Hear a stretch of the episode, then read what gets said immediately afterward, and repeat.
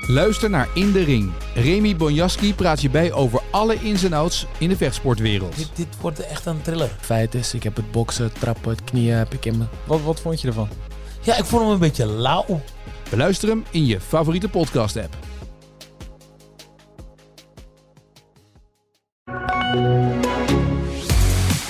Monaco is altijd spektakel op zaterdag. Ook dit jaar stelde de Grand Prix in het Prinsendom niet teleur. En in de race zagen we zelfs wat inhaalacties. Wat niet veranderde was een zegen voor Max Verstappen. Hij pakte pol en de zegen.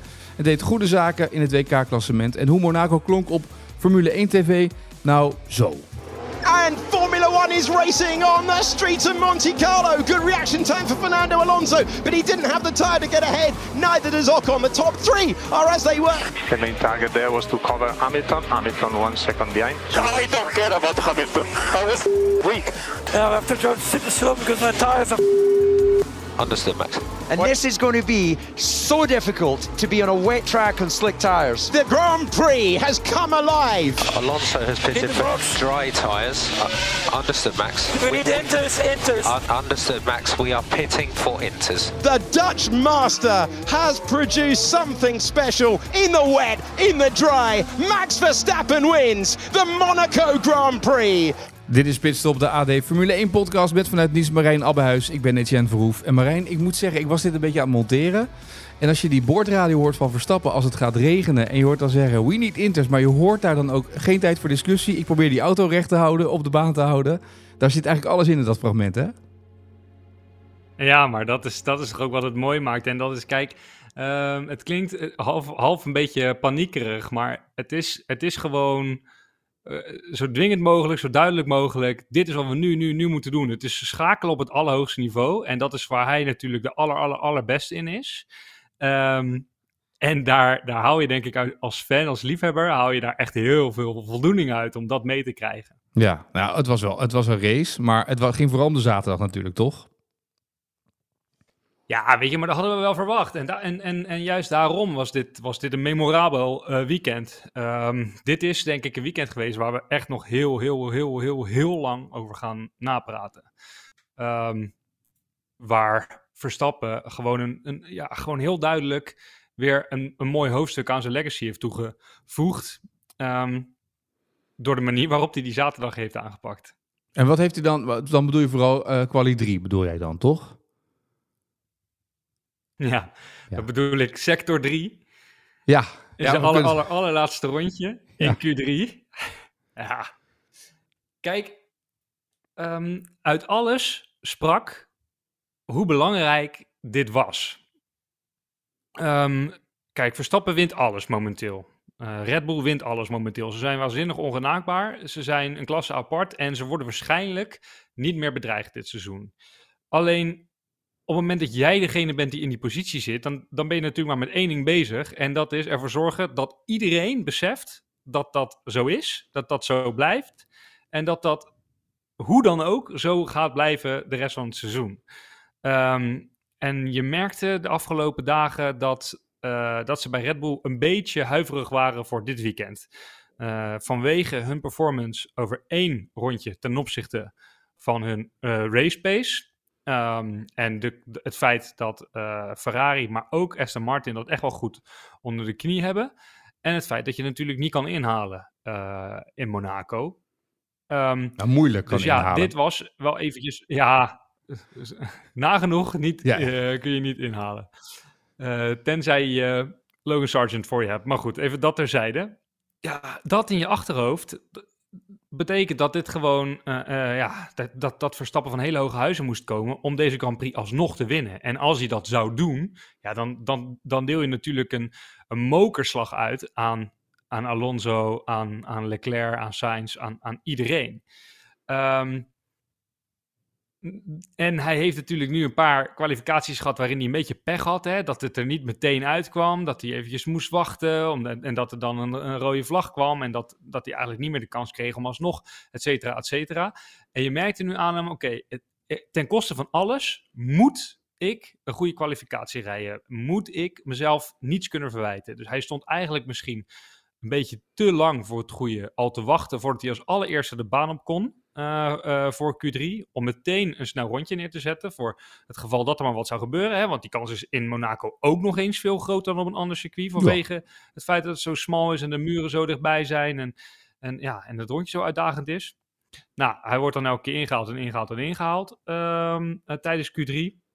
En hij heeft nog één ultieme poging. Is eigenlijk de allerlaatste die nog een poging kan wagen. Hij merkt dat hij langzamer is dan Alonso. Hij ziet dat hij langzamer is dan Alonso. En hij denkt, ik kan nu één ding doen. En dat is ehm, een waanzinnige derde sector eruit persen. En dan hopen dat het genoeg is. Nou ja, en, en, en die, die laatste sector was niet alleen waanzinnig. Die was gewoon ja, magistraal. Die was echt buitenaards. Die was zo onwaarschijnlijk goed op zo'n belangrijk en zo'n specifiek moment. Ja, dat, dat, dat onderscheidt hem ehm, echt, zeg maar, gewoon in, in, de, in de historie van deze sport. Ik vond dit Senna-achtig.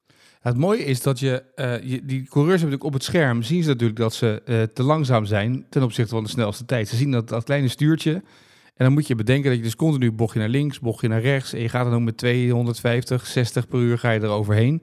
En je ziet al bijna niks, want je zit heel laag. Uh, en dan, moet je, dan zie je dus dat je nog ergens twee tienden uit moet peuren op dat laatste stuk. In die laatste sector. En dan denk je toch, Ja. Die druk die, dan met zich mee, die dat met zich meeneemt. Het is ook niet dat je de ruimte hebt, dat als je een bochtje mist, dat, dat, je dan, dat dat makkelijk kan. Nee, want als je een bochtje mist en je staat in de, in de muur, dan weet je dat een stuk van je auto weer gerepareerd moet worden diezelfde nacht. Dus het, er zit best wel druk op hè, daarin. Dat, dat maakt het zo fascinerend wat hij daar deed. Ja, dat is niet normaal. Die druk is absurd en de, en de marges zijn echt waanzinnig klein. Echt waanzinnig klein. We hebben het over millimeters, over duizenden, eh, duizendsten van een seconde eh, waarop je eh, een beslissing maakt of wanneer je moet insturen of wanneer je weer moet uitsturen of ja, hoe je de grens op moet zoeken. En ja, hij, hij heeft een paar keer het, het, het wandje geraakt. Hij zei, ik heb de vangrail hier en daar een klein beetje naar binnen geduwd. Ehm, dat is, ja, dat klinkt heel, heel grappig en heel eh, laconiek. Maar dat geeft wel aan hoe, ja, hoe erg hij op het randje reed. En als je dat dan een klein beetje niet goed genoeg doet, ja, dan is het gewoon een crash. Nou, dat hebben we toch gezien bij Sainz en bij Leclerc dan- gezien, bij Verstappen ook geregeld, dat, dat je uh, maar één klein toucheetje daar bij de chicanes en boem, je zit in de muur. Of in de vangrail. Ja, Nou, ja. Hoe re- reageerde Monaco op zaterdagavond op? Ja, dat was, dat was heel, dat was heel eh, grappig. Want eigenlijk ehm, ja, waren de meeste mensen uit het publiek waren heel erg voor Leclerc. Ehm, en ook enigszins voor eh, Alonso. Nu had Ocon op een gegeven moment de snelste tijd staan. Daar dook eh, Leclerc onder eh, enorm gejuich. Toen dook eh, Alonso daar weer onder. Toen hoorde je een mengeling van gejuich en ja, toch wel een beetje teleurstelling of zo. En toen dook Verstappen er toch nog onder. En toen hoorde je eigenlijk, in plaats van heel hard gejuich, hoorde je iedereen eigenlijk oh roepen. Dat was zeg maar het algemene geluid dat je hoorde. En dat was denk ik geen oh van teleurstelling, maar dat was echt van, ik, van pure bewondering, denk ik. Weet je, ze waren natuurlijk niet door het dolle heen, omdat het niet hun gehoopte resultaat was op dat moment. Maar ze waren wel duidelijk getuigen van iets bijzonders. En dat hadden ze zelf ook echt wel door. Ja. Ehm, en, en dan de race zelf. Hoe vond je die? lange tijd eh, niet, niet heel speciaal. Ehm, Alonso zei zaterdagavond dat hij nog een klein beetje hoop had dat eh, Verstappen niet zo lekker weg zou komen. Omdat er dan een paar keer was gebeurd dit seizoen. Nou, Verstappen die ging als een raket weg. Ehm, en die wa- was natuurlijk in no time was hij echt volledig uit zicht. Dus dat oh, heel interessant om te zien. Ik vond het ook super interessant om te zien, omdat ik op dat moment eigenlijk, maar ja, ik ben er natuurlijk ook veel minder eh, nadrukkelijk mee bezig dan die gasten aan de pitmuur. Maar ik had helemaal niet door dat er, dat er regen zou komen. In ieder geval lange tijd niet. En, en Verstappen reed natuurlijk super lang door op zijn mediums. Dus toen dacht ik veel, waarom doe je dat nou? Waarom, waarom vind je het nou zo belangrijk om eh, elk klein risicootje uit te sluiten? Eh, terwijl, ja, Alonso ook onherroepelijk nog een pitstop gaat maken. Ehm, dus waar ben je nou eigenlijk mee bezig? Maar ik vond het toen best wel interessant om te zien dat hij zo lang op die mediumband kon blijven rijden. En eigenlijk ook van plan was om gewoon het net zo lang vol te houden op die medium. Als dat eh, Alonso het vol zou houden op zijn harde band. Maar ja, toen, toen kwam die regen alsnog en toen werd het wel even leuk weer. Al moet ik zeggen dat eigenlijk het spektakel wat toen kwam ik ook wel weer een beetje vond tegenvallen. Want heel veel slachtoffers hebben we niet gezien. En heel veel gekke dingen hebben we eigenlijk ook niet gezien in die fase. Het was meer gewoon hè, dat fragmentje wat je aan het begin laat horen. Het schakelen, de chaos van iedereen eh, afwachten of, of het juiste moment kiezen om naar de intermediates te gaan. Dat was even interessant.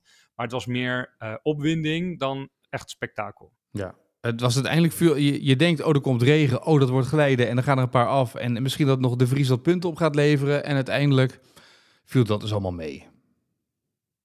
Ja, precies. Misschien ben ik ook wel een beetje te veel gefocust geweest op de kans voor de Vries dat hij nog punten ging pakken. En dat ik daarom een beetje teleurgesteld was uh, over, het, over wat we allemaal hebben gezien. Kijk, er kwam niet, er kwam niet alsnog een strijd tussen Alonso en, en Verstappen. Er kwam zelfs niet alsnog een strijd om, uh, om plek 2. Uh, Sainz, die verprutste eigenlijk zijn kans op het podium. Um, uh, dus dat hebben we dan gezien. We hebben Magnussen hebben we, hebben we zien, uh, zien terugvallen en Stroll zien uitvallen. En, en dat was het wel zo'n beetje. Ja, je noemt trouwens wel weer een dingetje. Bij Ferrari waren ze het weer niet met elkaar eens, hè, geloof ik, in, uh, in de pit.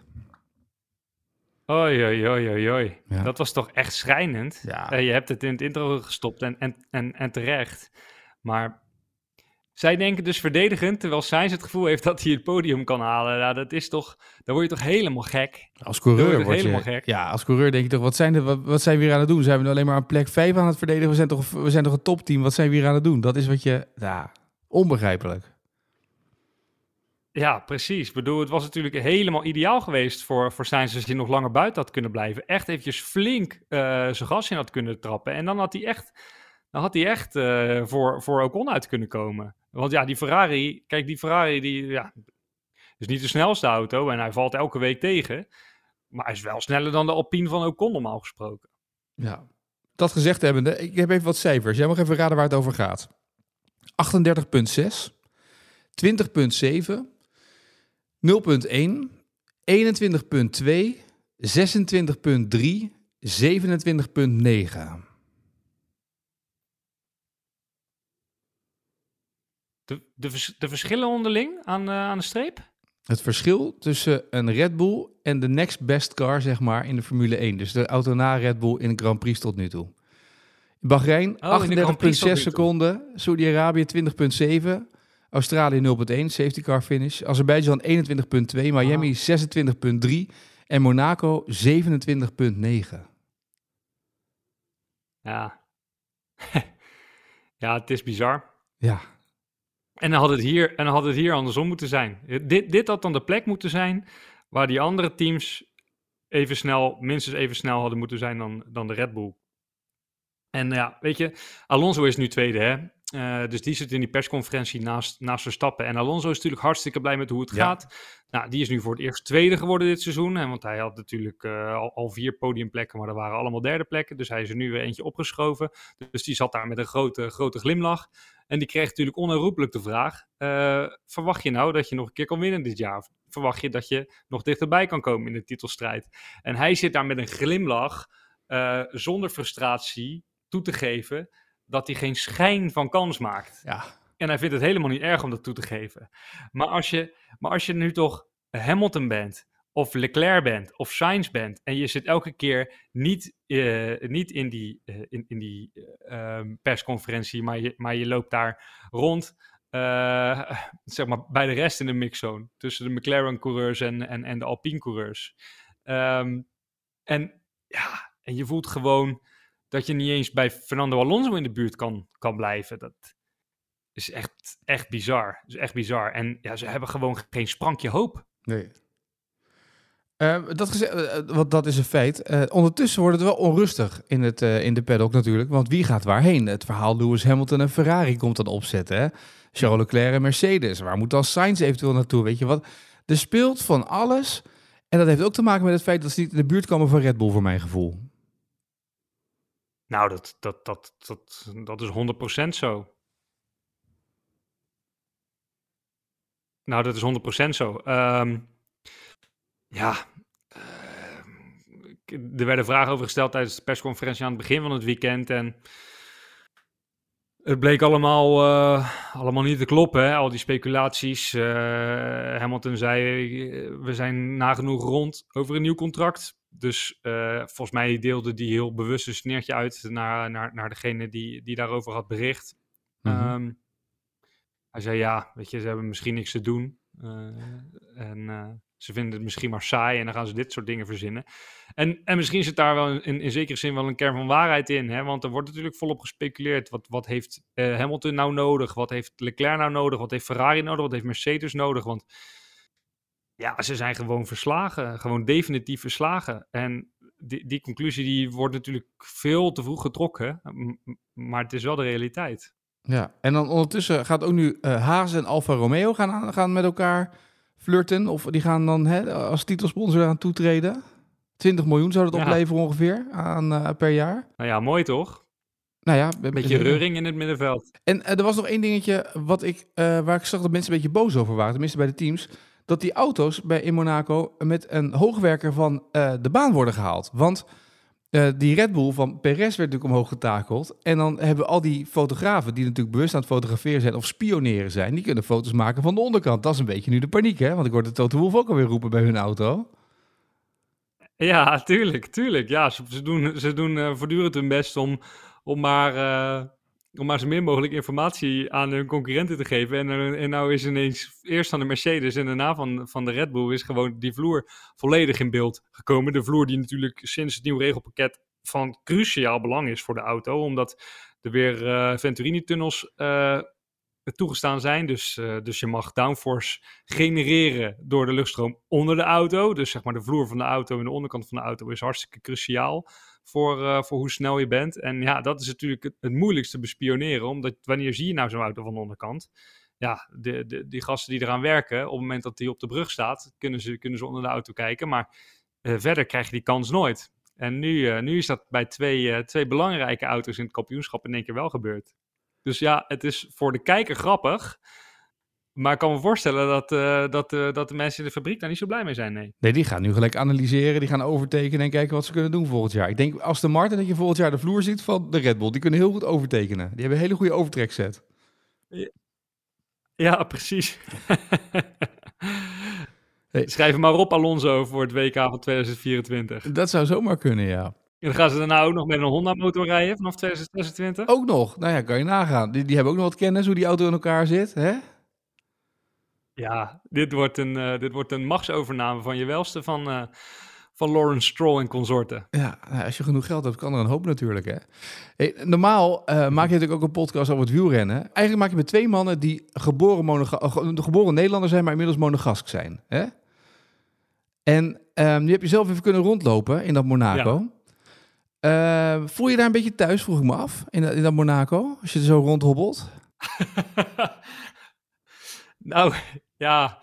ehm, ik denk dat als ik iets meer geld zou hebben, dat ik me er helemaal, eh, helemaal thuis zou voelen. Dat ik me er eh, heel prettig zou voelen. Dat ik er heel makkelijk in mee zou kunnen in de, in de levenswijze daar. Maar dit kost wel wat. Nee, ja, even zonder gekheid. Ik heb, eh, ik heb mijn hotel hier in, in, in Nice. ehm, en, en, en dit gebied, ehm, dit stukje Frankrijk is in, in, ja, in mijn optiek een van de mooiste stukjes van de wereld. Ehm, het, is, het is zo prachtig om, eh, om hier in de Côte d'Azur te zijn. Ehm, en het Franse leven bevalt me eigenlijk mijn hele leven al uit, uitstekend. Dus ja, ik zou hier prima kunnen wonen.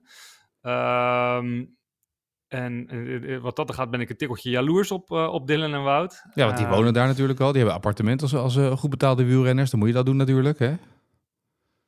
Precies, precies. En die fietsen hier lekker elke dag. Nou ja, dat, is, dat, ja, dat zou voor mij elke dag als vakantie voelen. Voor hen is het, eh, voor hen is het werk. Nou heb ik niet al, eh, al te veel te klagen over, over mijn werk, want daar heb ik ook heel veel plezier in. Maar wat zij doen is natuurlijk wel ja, next level als je het mij vraagt. Maar nee, kijk, dit weekend, eh, om dit weekend in Monaco te zijn, is, is als je moet werken geen pretje. En ehm, het is logistiek chaotisch. Het is eh, onwaarschijnlijk druk. Eh, ja, de, de dingen zijn eigenlijk niet zo goed aangegeven. De faciliteiten zijn niet, niet zo goed voor ons. Ehm, dus nee, ik ben, ik ben zo deze afgelopen dagen ben ik niet per se graag in Monte Carlo geweest. Uh, als je dan eenmaal op je plek zit en je kijkt om je heen, dan, ja, dan is het natuurlijk wel prachtig uh, om, om, om, om te zien wat je om je heen ziet. Hè? Om, om, om de zee te zien, om de, om, om de boten, de appartementen, de rotsen, de heuvels. Uh, dat is echt allemaal prachtig. En um, ja, daar moeten we ook niet te lang bij stilstaan, want het is, het is ook gewoon werk voor mij en het hoeft, het hoeft ook niet eh, voor mij eh, als een walhalla aan te voelen. Ehm, dus als ik daarvan wegstap en ik kijk dan om me heen en ik probeer me te verplaatsen in de mensen die hier waren als, als toeschouwers en, en naar de mensen die thuis kijken naar, naar de Grand Prix en naar de beelden, dan denk ik dat het echt een onwaarschijnlijk mooie plek is. eh, waar je gigantisch van kan genieten. Ja. Waar je vooral dus zorgen moet maken op het moment dat het gaat regenen, dat er niet te veel regendruppels in champagne vallen. En dat de caviar niet wegloopt als het heel hard gaat regenen. Want dat is de enige zorg die je dan hebt natuurlijk. En dat je op tijd ergens nog een parapluutje vandaan haalt, zodat je niet van de boot afglijdt. Dat is een beetje het principe natuurlijk, toch, voor Monaco? Ja, ja, ja. Ja, dat zijn, de, dat zijn de grootste problemen van de mensen hier. Ja, ja, want ja, stel je voor dat je nieuwe Gucci-tas toch weer eh, eh, heel erg nat wordt, waardoor je hem niet kan gebruiken volgende week. Ja, moet je toch een nieuwe kopen? Dat zijn toch zorgen? ik, Stel, ja, toch? ik, ik vraag me echt heel erg af, als Dylan en Wout naar deze pod- eh, podcast luisteren, of ze zich nou herkennen in het beeld dat jij schetst. 100 procent. Dat kan niet anders. Is dat helemaal niet zo? Nee, je zit, wanneer heb je weer in koers met ze? Eh, zes, eh, vijf, vijf of 6 juni, dus eh, na, de, na de Grand Prix van, eh, van Barcelona. Ja, weet zeker dat Wout gaat, dit volledig gaat herkennen. Die heeft ook die stress na zo'n overwinning. Dat hij daar op het balkon staat en denkt, hè, shit, gaat regenen. Daar gaat, gaat, gaan de regendruppels in me. Die gaan in mijn dure champagne vallen. Dat is niet de bedoeling. 100, die gaat het herkennen. Kan niet anders. Ja, hij luistert, dus ik krijg het waarschijnlijk morgen al teruggekoppeld. Lijkt me een goed plan. Heel goed. Eh, op naar Barcelona. Op naar de volgende Grand Prix in Spanje. Kijken hoe Nick de Vries het gaat doen op een circuit. Dat vinden we belangrijk, want daar kunnen we kijken of Nick de Vries zich definitief wat meer zekerheid kan geven in die wagen.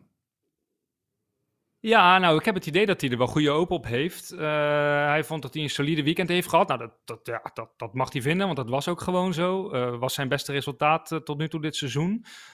Kon hij goed gebruiken natuurlijk. Ik heb hem uitgebreid geïnterviewd afgelopen donderdag. Ehm, zat wel nog lekker in zijn vel, had ik het idee. Maar je merkt het toch wel aan hem, hè, dat, hij, dat het ook wel aan hem knaagt. eh, dat, hij, dat hij nog niet zo goed eh, gepresteerd heeft tot nu toe. Hij is daar perfectionistisch genoeg voor. Dus hij weet donders goed dat hij echt resultaten nodig heeft nu. En dat hij in ieder geval geen fouten moet maken. En dat heeft hij niet gedaan. Hij zei, eh, het was gewoon mijn taak om een degelijk, degelijk weekend te laten zien. En, en dat is gelukt. Ehm, en hij voelt ook wel dat hij met zijn auto dichter bij de punten komt. En dat klopt denk ik ook wel, want eh, Tsunoda was echt ook wel snel dit weekend. Nou, die maakt uiteindelijk wel gewoon, eh, ja, een fout weet ik niet. Hij had, hij had moeite met zijn, met zijn remmen, maar alle coureurs hadden dat wel. Dus eh, hè, die waren gewoon koud vanwege Ja. de regen. Ehm, dus daar had hij zelf waarschijnlijk beter mee om kunnen gaan. Dan had hij kunnen voorkomen dat hij, dat hij deze problemen had. Schat ik in, vanaf, vanaf deze positie. Ehm, maar dat zijn wel tekenen dat, dat het eraan zit te komen voor Nick de Vries. Dat gevoel heeft hij zelf en dat ja, gaan we denk ik ook wel zien. Nou, op naar volgende week. Van Monaco naar Spanje eh, voor een nieuw Grand Prix weekend. Het is wel lekker even zo'n paar Grand Prix weer achter elkaar na een periode van stilte. Dus eh, tot de volgende, Marijn. Yes!